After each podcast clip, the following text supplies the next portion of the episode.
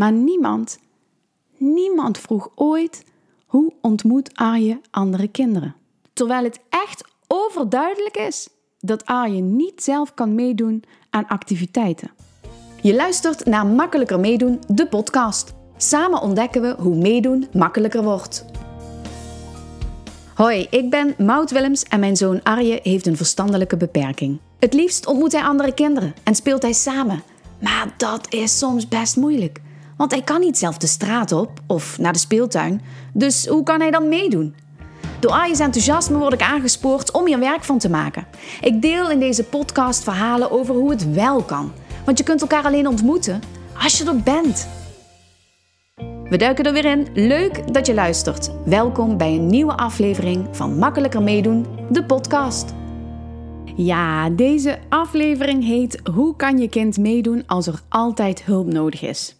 Kijk, Arje die kan ontzettend genieten van meedoen. Hè? Dat samen spelen, anderen ontmoeten. Maar wat kan het soms moeilijk zijn om hem te laten meedoen aan activiteiten in de buurt of om anderen te ontmoeten? Want hij heeft gewoon altijd hulp nodig. Nou, in deze aflevering vertel ik wat het nu zo moeilijk maakt voor Arje om überhaupt met andere kinderen in contact te komen. Ik ben even heel eerlijk met je. Uh, ja, dit vind ik niet het allerleukste om te vertellen. Maar het is ook gewoon wel zoals het is. Ik check daarna even bij je in, want hoe kijk jij ernaar? Herken je bepaalde dingen of juist helemaal niet?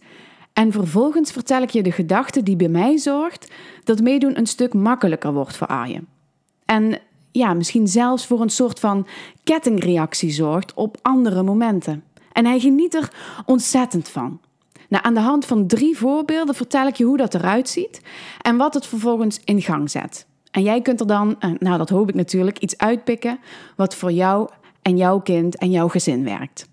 Nu zeg ik er even bij dat ik een aantal keren ben begonnen met het opnemen van deze podcast. En dat ik iedere keer, of van deze aflevering. En dat ik iedere keer dacht: ah, dit is toch niet, niet de juiste toon. Of toch net niet helemaal het. Dus ik hoop dat het nu helemaal goed gaat. Laat ik bij het begin beginnen. Want wat maakt het nu zo moeilijk voor Arje om überhaupt met andere kinderen in contact te komen? Nou, Arje ging vanaf ongeveer één jaar naar het medisch kinderdagverblijf. Het was een fijne plek met lieve, geduldige leidsters die ons op weg hielpen met de verzorging en de ontwikkeling van Arje. Ook was er fysiotherapie en logopedie. En in die dreumes en peuterjaren die volgden, hadden we het over hoe ik hem kon laten oefenen met zitten, hoe ik zijn spieren kon trainen, welke oefeningen ik hem kon laten doen en hoe lang. Uh, we hadden het ook over hoe ik kon zorgen dat hij genoeg at op een manier die bij zijn mondmotoriek paste en hoe ik de spieren rondom zijn mond kon trainen. We spraken door hoe we hem konden stimuleren om steeds meer te praten. We spraken over slapen, over hoe hij moest liggen en hoe lang. Over hoe we ervoor konden zorgen dat hij minder lang zou huilen. Over rust en regelmaat en structuur. Eh, nou, met de kinderarts sprak ik natuurlijk over zijn gezondheid. Hoe we het beste onderzoeken konden laten uitvoeren en welke specialisten we het beste konden bezoeken. Omdat er best nogal wat zorgen waren over zijn gezondheid. Op het medisch kinderdagverblijf vroeg een leidster nieuwsgierig hoe ik Arje in bad deed. Geen gekke vraag hoor, want hij kon heel lang niet rechtop zitten. Ja, maar hij werd natuurlijk wel zwaarder. Ik had gewoon nog altijd het babybadje wat ik op de grond zette in de badkamer, zodat ik hem kon badderen. En andere mensen vroegen, joh, hoe, hoe doe je dat eigenlijk op de fiets? Nou, heel simpel. We hadden eerst een soort van fietskar die ik achter mijn fiets maakte. En, en later kregen we een bakfiets met een aparte zit erop, zodat ik hem kon vervoeren. Maar niemand Niemand vroeg ooit hoe ontmoet Arje andere kinderen. Nu Arje 12 is, vind ik het een van de meest vermeden vragen. Die vraag wordt namelijk niet gesteld. En niet toen hij drie was en nog altijd niet nu hij 12 is. Nou, iedere professional stelt vragen vanuit zijn of haar expertise. En bij die expertise hoort nooit het hele plaatje. En dus al helemaal niet het vormgeven van een sociaal leven. De moeilijkheid van het opbouwen van sociale contacten. Terwijl het echt overduidelijk is dat Arje niet zelf kan meedoen aan activiteiten. Dit wil ik even verder uitdiepen. Allereerst kan Arje al niet zelfstandig ergens komen. Als hij naar de speeltuin wil, ga ik mee, of iemand anders. Als hij op de fiets wil, ga ik mee. Hij fietste eerst op een tandem, uh, vanaf groep 7 op een aangepaste tweewieler, maar hij neemt niet zelfstandig deel in het verkeer. Er is altijd iemand bij hem die zegt wat hij moet doen. Eh, remmen, naar links, versnelling op 3 dat hij op deze manier kan deelnemen aan het verkeer is echt geweldig. Ik ben hier bijzonder trots op, want het heeft jaren geduurd voordat het lukte. En ook al heeft hij er hulp bij nodig, het geeft hem heel veel eigen regie. Eh, als hij gaat wandelen, ga ik mee. Als hij bij de Primera van zijn zakgeld zijn geliefde Truckstar magazine wilt kopen, ga ik mee. Naar de speeltuin, ik ga mee. Als hij bij iemand wil spelen, ga ik mee om hem daar te brengen. En ik moet zeker weten dat de desbetreffende moeder of vader op de hoogte is van de hulp en zorg die Arjen nodig heeft, zodat het veilig en goed verloopt. Naar een activiteit als voetbaltraining, drumles, wij gaan mee. En ten tweede, er zijn activiteiten waar hij aan wil meedoen, maar dan moet ik wel zeker weten dat er iemand is die ziet wat hij nodig heeft om te kunnen meedoen. Want hij kan niet altijd alles goed aangeven. Als hij het te warm heeft bijvoorbeeld, denkt hij niet, nou laat ik even een shirt uitdoen.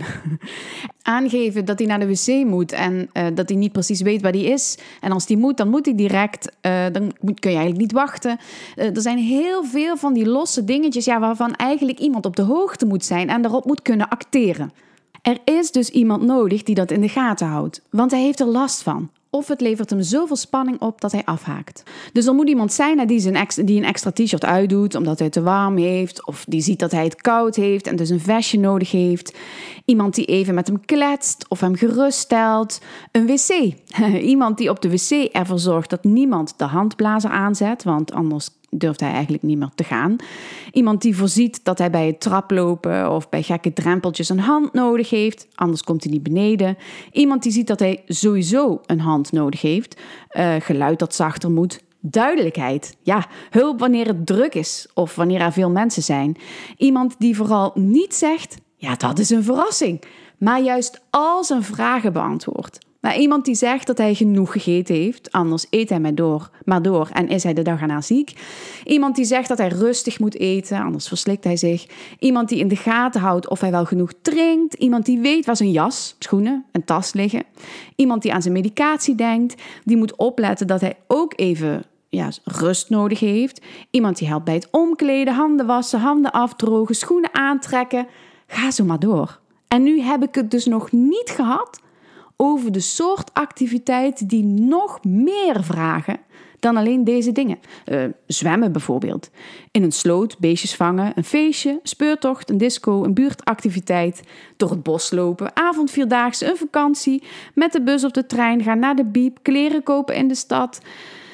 Ja, dit zijn activiteiten die voor kinderen hartstikke leuk zijn, maar voor Arje is gewoon niet alles even geschikt. En daarnaast is bij elke activiteit extra hulp nodig. Oké, als ik dit zo aan het vertellen ben, dan weet ik twee dingen zeker. Eén, je herkent sommige dingen en sommige dingen misschien helemaal niet. Maar in je hoofd vervang je het misschien, uh, zeg maar, het een voor het ander. Omdat je jouw eigen kind natuurlijk in je hoofd hebt. Dat zou, zou ik tenminste hebben als ik hiernaar zou luisteren. En twee, als ik dit zo allemaal achter elkaar vertel, dan bekruipt me dat gevoel dat het haast niet mogelijk is voor Arje om überhaupt mee te doen. Want dit, is toch bijna niet te regelen? Dit is toch niet te organiseren? Misschien voel jij die ook en denk je, hoe dan? En toch, hè? Toch ga ik je nu natuurlijk vertellen hoe we dat doen. Ja, want anders zat ik hier natuurlijk niet deze aflevering op te nemen. Want nu komt natuurlijk het positieve, bemoedigende gedeelte. Woe! Ja, graag vertel ik je over de kettingreactie die meedoen makkelijker maakt. En het begint met één simpele gedachte. En die gedachte is: ik maak de wereld groter. Ja, ik moet ook denken aan de zin: It takes a village to raise a child. Nou, het kan zijn dat er nu direct weer een paar gedachten door je hoofd schieten. De eerste is misschien village, Mout. Village, hè? waar haal ik nou in hemelsnaam een village vandaan? Uh, en de tweede is misschien, uh, ja, uh, Mout, als ik het niet doe, dan doet niemand het. En er zit toch echt een limiet aan wat ik kan doen. Ik weet dat ze door je hoofd gaan, want ik ben namelijk een meester in het denken van deze gedachten. Nog altijd. ondanks dat ik weet dat ik niet alles zelf hoef te doen en dat ik die wereld groter mag maken. En toch denk ik soms, waar is die village? En als ik het niet doe, dan doet niemand het. Ik denk die gedachten. Sterker nog, hè. Ik denk ze zo vaak. Ik schreef er zelfs een liedje over. Uh, en die zin, hè, die zin waar ik het net over had, ja, die zing ik dus letterlijk. Luister maar.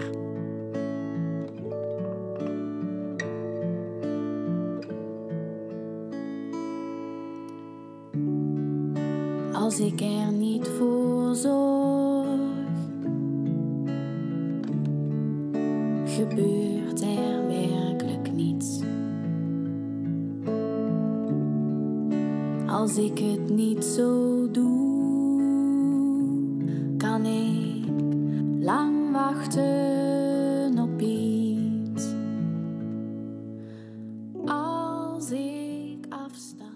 Nou ja, dat dus. Uh, je krijgt een beetje een beeld van dat liedje. Ik zal de link naar de show notes zetten als je het hele liedje wil luisteren. Maar nu heb je in ieder geval even een, een, een beeld van die gedachte en hoe vaak die eigenlijk uh, in mij zit. En, en, misschien zit die ook ergens wel uh, bij jou. Maar laat ik je vooral vertellen wat er bij mij in gang wordt gezet als ik denk: ik maak de wereld groter. Ik duik nu in drie verschillende ideeën die we ondernamen en ik vertel je welke kettingreactie daardoor in gang werd gezet. tijdens het luisteren is het belangrijk om een paar dingen te onthouden. Onthoud tijdens het luisteren dat ik deze ideeën in een paar minuten aan je vertel, terwijl er in werkelijkheid ja, eigenlijk enkele jaren en verschillende tegenslagen overheen gingen terwijl we bezig waren, lieten we los, hielden we langer vast, werden we teruggefloten en pasten de boel weer aan. Het is, een, ja, het is echt een proces. En ook is het goed om te weten dat ik deze aflevering nooit had kunnen en durven opnemen toen ik er nog middenin zat. Eh, toen ik er nog middenin zat. toen ik nog niet goed wist waar het allemaal naartoe zou leiden en of ik het allemaal wel een beetje goed deed. Maar nu weet ik het wel. good things take time. En daarnaast is het zo dat deze ideeën voortkwamen doordat we naar Arje kijken. Ik, ik weet natuurlijk niet wie jij bent, of voor welke meedoen-uitdaging jij staat, of welke hulp of zorg jouw kind nodig heeft. Dus voel je ook vooral aangemoedigd om er iets uit te pikken waar je wat mee kan en laat de rest lekker liggen. Nou, daar gaan we. Drie ideeën die meedoen makkelijker maken als je kind altijd hulp nodig heeft en die zorgen voor een kettingreactie. De eerste, een hobby in de buurt. Nou, voor Arje was bewegen in die kleuterjaren super belangrijk. Alleen, ja, naar een kleutergym in de buurt gaan in een gewone gymgroep. Weet je, er moet gewoon echt iemand naast hem staan die hem helpt met alles. Iemand in die zaal die er is om hem te helpen. En dus zette ik een oproepje op Facebook: wie zou dat willen doen? En vervolgens was daar Henk. En Henk, die kende ik al lang, want ik heb jaren met hem samengewerkt op school. Wij waren collega's. En inmiddels was Henk een gepensioneerde gymdocent. En Henk heeft Arje drie jaar naar die gymles gebracht en bleef bij hem tijdens de les. Henk gaf hem een hand, legde de regels extra uit door het voor te doen of het nog eens uh, uit te leggen of gewoon even te kijken wat hij daar niet allemaal geleerd heeft. Uh, ja, Arje, niet, niet Henk. Nou, vanaf acht jaar wilde Arje wel heel graag gaan, voetballen. En dus hebben we zelf een G-team opgericht bij de plaatselijke voetbalclub. Uh, dat is voer voor een andere aflevering. Maar graag vertel ik je nu wat die drie jaar meedoen in een gymles, in een, in, in een reguliere gymles bij een gymzaal bij ons in de buurt, wat het hem opleverde. Want die kettingreactie is dat doordat hij elke week naar die gymles ging, leerde Arje daar heel veel andere kinderen kennen. En die kinderen die komen we vervolgens weer op andere plekken tegen. En die kinderen kennen Arje dus ook. dat maakte de wereld niet alleen groter voor Arje. Oké, dat brengt mij bij idee nummer twee. Bij iemand anders spelen in plaats van thuis. Nou, als Arje bij een ander kind gaat spelen en ik die andere vader of moeder inlicht over wat hij nodig heeft, dan heeft Arje erna een nieuw avontuur beleefd. Want bij iemand anders is het altijd leuker en fijner en er is weer ander speelgoed en ze hebben daar andere wasmachine. Vindt Arje heel interessant. Maar hij heeft ineens ook bijvoorbeeld veel langer buiten gespeeld dan thuis bijvoorbeeld zou lukken. Er gebeurt altijd van alles als hij bij iemand anders gaat spelen. En Arje kijkt daar heel erg naar uit. Nou, welke kettingreacties uh, kon ik hier vinden? Het, het zijn er eigenlijk twee. Want de eerste kettingreactie is dat de volgende keer dat hij bij dit gezin gaat spelen, hoef ik veel minder uit te leggen dan die eerste keer. Want ze weten het al. En soms kan ik dus denken dat ik andere ouders om een soort van enorme gunst vraag als Arje bij hun komt spelen. Maar, maar de grap is, die gedachte, die blijkt vaak helemaal niet waar te zijn. Dus sterker nog, ik merk dat ouders het vaak zo geregeld hebben dat ze op een bepaalde middag, eh, hier is dat meestal de woensdag, dat ze er dan sowieso voor hun kinderen zijn. En dat Arje dan komt spelen, nou dat vinden ze dan vaak alleen maar leuk. En daarnaast, de, de tweede kettingreactie, niet vergeten dat broertjes en zusjes Arje ook weer gezien hebben. ze hebben met hem gebabbeld en met hem gespeeld. Ze hebben gezien hoe een broer of zusje met hem omgaat. En vervolgens komen we die kinderen ook weer tegen op een andere plek, bij een activiteit of in de buurt. Het is verbazingwekkend hoeveel mensen Arje kent. Hoeveel mensen hij hallo zegt of hoeveel mensen hem begroeten. Zelfs op plekken waar ik het niet verwacht. En ik ken die kinderen of die mensen dan niet eens. Hè. Eh, ze vinden hem vaak helemaal niet meer, uh, ja, wat, je, wat soms wel eens hebben, dat, dat mensen hem eng of een beetje vreemd vinden. Uh, en dat gevoel heb ik dus helemaal niet meer zo vaak. Uh, geregeld moet ik dus ook vragen, joh, waar ken je die nou weer van? En dan heeft hij, ja, een kindje dus ook weer ergens ontmoet. Ik sta altijd ontzettend paf hoe dit werkt. Idee nummer drie. Ga mee naar activiteiten die misschien een beetje spannend zijn. Nou, toen Arje tussen de 7 en de 10 jaar was en er werden door de club van het G-team activiteiten georganiseerd, daar gingen Robert-Jan en ik mee om te helpen. En we wilden Arje niet alleen laten bij voor ons nog uh, ja, vreemde mensen of op een terrein dat hij nog niet zo goed kende. Uh, en dit deden we ook vaak bij jaarlijks terugkerende buurtactiviteiten. de cola disco, het eieren zoeken, Koningsdag, een speurtocht, een Sinterklaasviering. Vaak ging één van ons mee. Ook al was het niet altijd de bedoeling dat ouders uh, erbij uh, konden blijven. Hè. Wij gingen mee. En ik zorgde er dan gewoon voor dat ik, als dat lukte met Arje, dat ik dan ook lekker de handen uit de mouwen stak. Hè, bekertjes vullen met ranje, ranja, uh, kinderen helpen met hun jas of schoenen, een kindje troosten dat net gevallen is, dat soort dingen. Want er is altijd iets te doen. Nou, een kettingreactie hiervan, dat we dat deden, uh, is dat toen Arje tussen de 10 en de 12 jaar oud werd, en merkte ik dat ik niet meer per se mee hoefde. Niet omdat hij geen hulp of zorg meer nodig heeft om aan zo'n activiteit mee te kunnen doen, maar omdat anderen weten ja, hoe ze hem kunnen helpen. Want ze hebben gezien hoe wij dat deden. We hebben ze hier deelgenoot van gemaakt, gewoon door er te zijn en het voor te doen. Eh, en we deden dat niet in de zin van zo, nu moet jij eens even opletten, want zo moet je dit aanpakken. Dat zou een beetje vreemd zijn, maar we deden het wel um, door bijvoorbeeld te zeggen, um, ja, Arje vindt het geluid van de föhn niet fijn, daarom wil hij nu niet plassen, hij moet nu wel. Dus we zorgen er gewoon voor dat niemand even op de föhn drukt. Hè, Arje, dan kun jij rustig plassen. En natuurlijk was er dan niemand die op die föhn ging drukken. of, uh, kom maar Arje, we gaan even aan tafel zitten als je iets gaat eten. Dan eet je even rustig alles op. En daarna kun je weer verder spelen. En dan en knikte ik even naar iemand anders en dan zei ik, hij vindt chips zo lekker dat hij kan gaan proppen. Dan kan hij zich verslikken. En als hij even zit, dan eet hij veel rustiger. sterker nog, ik bereid deze aflevering voor terwijl Arje naar voetbalkamp is op de voetbalclub. En wij zijn er deze keer niet bij.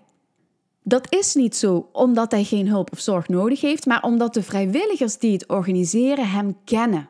Ze weten wat hij nodig heeft. En natuurlijk heb ik ook even met iemand gebeld om die laatste bijzonderheden door te geven. Uh, ja, een kleine side note is denk ik wel op zijn plek, want het is niet zo dat ik hier helemaal met een gerust hart zit. Hè, mijn telefoon staat aan. Ik check om de zoveel tijd de groepsapp. Uh, maar hij is daar wel zonder mij. Hij beleeft daar zijn eigen avonturen op een plek die hij van binnen en buiten kent. Met allemaal kinderen uit de buurt die ook van voetbal houden. En die plek ligt op een kilometer van ons huis. En hij is omringd met allemaal mensen die hij kent en die hem kennen. Oh, en hij blijft daar niet slapen. Hij gaat er nu alleen overdag heen. Uh, slapen vraagt echt nog iets anders. Wie weet komt dat ook nog wel een keer. Nou, nog een voorbeeldje. Laatst ging hij naar de cola disco in de buurt. De andere keren ging ik mee en bleef ik bij hem, hè, terwijl gecommuniceerd wordt vanuit de organisatie, de ouders mogen niet blijven. En toch deed ik het. En ik, ik, weet niet, ik weet niet eens meer of ik het gevraagd heb of dat ik het gewoon deed. Maar ik bleef. En ik stond klaar om hem te helpen of, of iets aan te passen bij het een of ander. Maar nu lever ik hem dus af bij de deur. Hey Arje, high five man, gezellig dat je er bent. Dat is wat een van de vrijwilligers dan roept. Ze kennen hem. En vervolgens staat hij daar anderhalf uur uitbundig te dansen en te kletsen, want, want dat doet hij. En natuurlijk, hij gaat het anders dan wanneer ik er zelf bij was geweest. Een pesterijtje gebeurde ook. Maar er zijn kinderen en begeleiders die dat zien en die dan even helpen. En de kinderen die daar komen, een, een aantal van hen in ieder geval, die kennen hem. Oeh, en hij kreeg twee zakjes chips en drie bekers ranja. Terwijl hij echt voor maar één beker geld bij zich had en je voor al deze dingen toch echt moest betalen. Het is me lang een raadsel geweest hoe hij dat voor elkaar gekregen heeft, maar inmiddels weet ik het. Want blijkbaar zit een buurvrouw ook in die organisatie en die heeft hem dat toegestopt en aan mij later verteld dat ik toch echt wat meer geld moest meegeven. Fantastisch toch? Nou, na afloop is hij trouwens overprikkeld. Hè? Zwaar overprikkeld. Natuurlijk. Maar hij heeft het zo leuk gehad. En de dag erna doen we rustig aan. Dat waren ze. Drie ideeën die komen vanuit de gedachte: ik maak de wereld groter. En als je naar die ideeën kijkt, dus uh, een hobby in de buurt, bij iemand anders spelen in plaats van thuis, meegaan naar activiteiten, dan zit er een hele belangrijke overlap. Want het antwoord op de vraag: hoe kan je kind meedoen als er altijd hulp nodig is? Ja, dat is dan ook vraag om die hulp. Ja, ik zei straks al dat het misschien lijkt alsof we dat allemaal zomaar even deden. Maar al deze dingen ontwikkelden zich door de jaren heen. Zoiets lukt niet van de ene op de andere dag.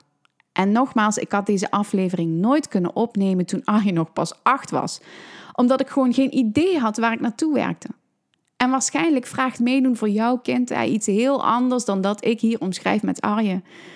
Maar als je weet wat er nodig is om jouw kind, zonder dat je er zelf bij bent, op een veilige manier avonturen te laten beleven met anderen uit de buurt, dan hoop ik dat deze aflevering ervoor zorgt dat je misschien ja, een kleine stap durft te zetten om die wereld groter te maken.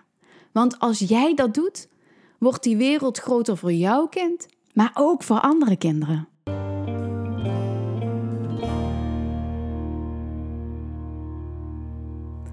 Nou, je hebt gemerkt, het heeft dus even geduurd voordat ik in de gaten had dat dat sociale leven van Arje er heel anders uitziet dan dat van andere kinderen. En het heeft ook even geduurd voordat ik besefte dat ik hem hierbij kon helpen. En pas toen ik dit heel bewust ging doen, veranderde hij van iemand die je liever ontwijkt in iemand die meedoet. Na alles wat ik leerde en deed om dat voor elkaar te krijgen in de periode dat hij tussen de 2 en de 12 jaar oud was, schreef ik in het e-book Schrijf zelf het speelplan voor je kind met beperking. In dit e-book neem ik je stap voor stap mee en schrijf je een eigen speelplan voor je kind op één A4'tje. Het is een speelplan dat helemaal past bij jouw kind en bij jouw gezin, omdat je het zelf schrijft. Opgroeien in de buurt is zo belangrijk. We mogen hiervoor opkomen. We mogen hier werk van maken. Ik zet de link naar het e-book even in de show notes. Weet je, wij kunnen dat gewoon ontzettend goed. Alles zelf doen en zelf voor ons kind zorgen, omdat we ons kind gewoon heel goed kennen. Maar mensen willen graag helpen. Alleen weten ze ook gewoon vaak niet precies hoe. Dus we mogen het vragen. We mogen hen de kans geven. En misschien voelt dit wel heel erg onwennig als je hier naar luistert. Of misschien zie je nog niet helemaal voor je hoe het dan kan gaan lukken. En ook ik, ik, ook ik twijfel geregeld. Daarover gaat binnenkort een andere aflevering. Nou, nu, nu las ik laatst het boek Belonging van Tokopa Turner. Ze schrijft over erbij horen. En er waren twee zinnen die me heel erg raakten. Ik lees ze zo voor in het Engels en daarna blik ik erop terug in het Nederlands, want het zijn best wel lastige zinnen. Ze schrijft: As long as we keep aspects of ourselves hidden from view, because we believe only an edited or presentational version of who we are will be accepted by others, we are depriving ourselves of belonging. But also, and here's the piece that takes some real practice to see, depriving others from belonging to us. Ja, weet je, soms kan ik ook gewoon twijfelen of Arje ergens aan kan meedoen, omdat zijn gedrag anders is, of de zorg te groot is, of iets anders vraagt van mensen. En deze zin van Tokopa Turner, die benoemt als we onszelf gaan verstoppen, omdat we, omdat we denken dat wie we zijn niet geaccepteerd zal worden door anderen, dan ontnemen we onszelf de kans om erbij te horen. Maar ook, hè, en hier komt het, maar ook, en dat vraagt echte oefening om het zo te zien, ook ontnemen we anderen de kans om bij ons te horen. Oh, ik vind dat echt een hele mooie manier van denken. Het idee dat het, dat het wederkerig is. Mensen willen helpen. Mensen willen contact, contact maken. En dat maakt mensen mensen. Ja, ik ben heel benieuwd wat jou in deze aflevering raakte natuurlijk. Waar je iets mee kan of wat je wilt gaan uitproberen. Laat het me weten in een berichtje. Dat kan via Instagram, makkelijker meedoen of via de website makkelijkermeedoen.nl. Stuur me gewoon een bericht.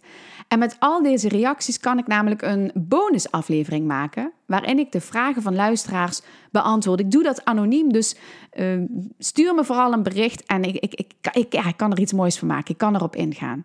Ik hoor heel graag van je. Uh, ik vind het ontzettend leuk dat je dit eerste seizoen zo met me meebeleeft. Dank je wel voor het luisteren en uh, tot de volgende. Superleuk dat je luisterde naar weer een aflevering van Makkelijker Meedoen, de podcast.